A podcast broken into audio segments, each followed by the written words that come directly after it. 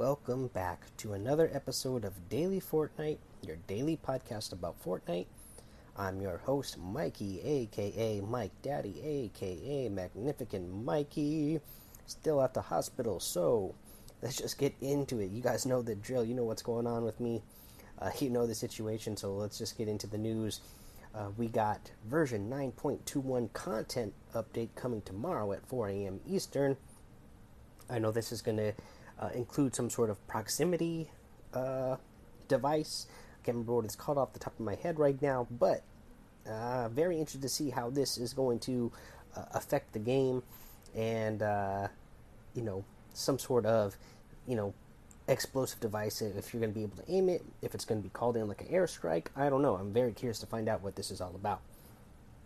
Here's something that we know that happened today. The boom bow was removed from Team Rumble. So instead of nerfing the bow, the boom bow, they just go ahead and take it out of Team Rumble. They feel like the boom bow was too strong for that game mode because players respawn with only 100 health and it does 100 damage as base damage. So you could really rack up eliminations in Team Rumble really quick and really fast and get a lot.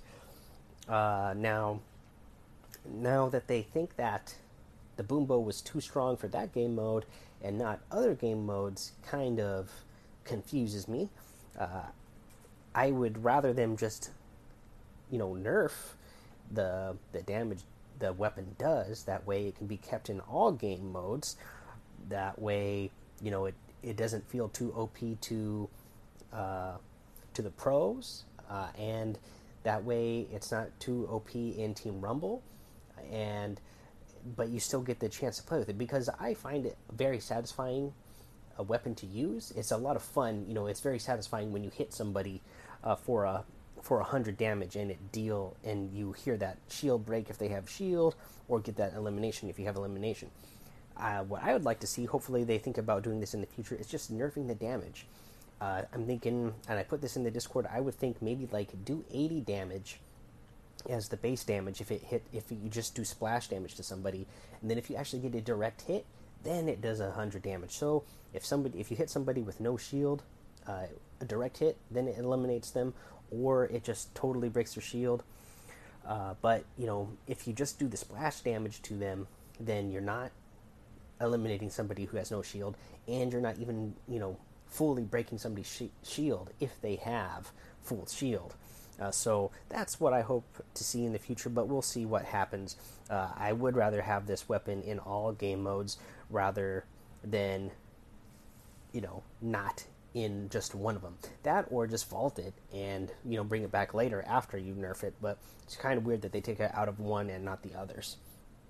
Uh, let's see here.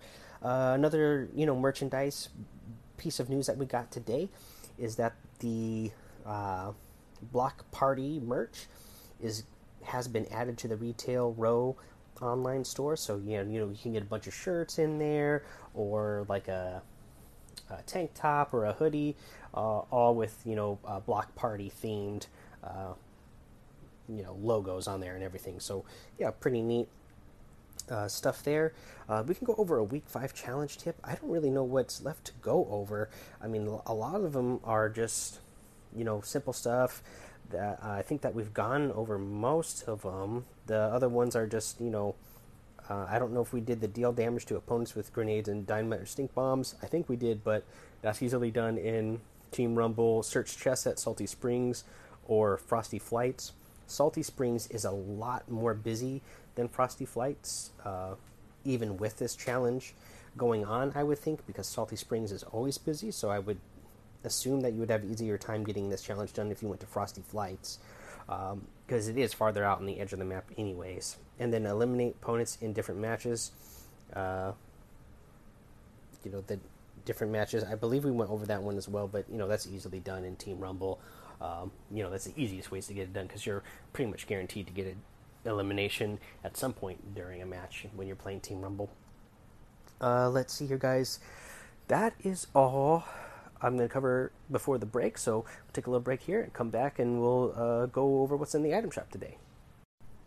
Alrighty, guys, let's take a look at what's in the item shop today. So, what we have today is the Cuddle Team Leader outfit.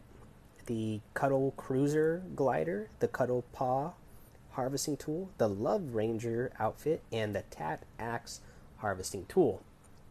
In the daily items, we get the Lazy Shuffle emote, you get the Prismatic glider, you get the Disco Diva outfit, the Rock Breaker harvesting tool, the Bullseye outfit, which I love, and the Pick It Up emote. That is a new emote. I really like the the, the music in this emote. Uh, that's for sure. So I think that'll be a good one to pick up. Uh, guys, if you're going to get any of the items in the item shop today, I would really appreciate it if you use that creator code Mike Daddy M M M I K E D A D D Y in the item shop, as it does help support the show. Now, uh, you know the other stuff we're going to get to today, since I haven't really been playing, I don't have a tip to give you. So, uh, you know, just go join that daily Fortnite Discord.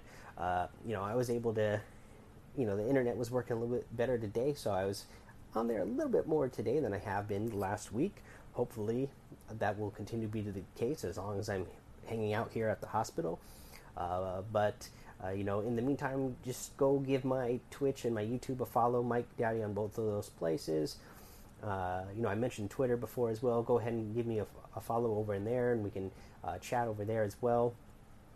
Uh, you know, I've been making a lot of comments on E3 stuff as well because E3 this week it's very fun and exciting. I love all the games that are getting announced.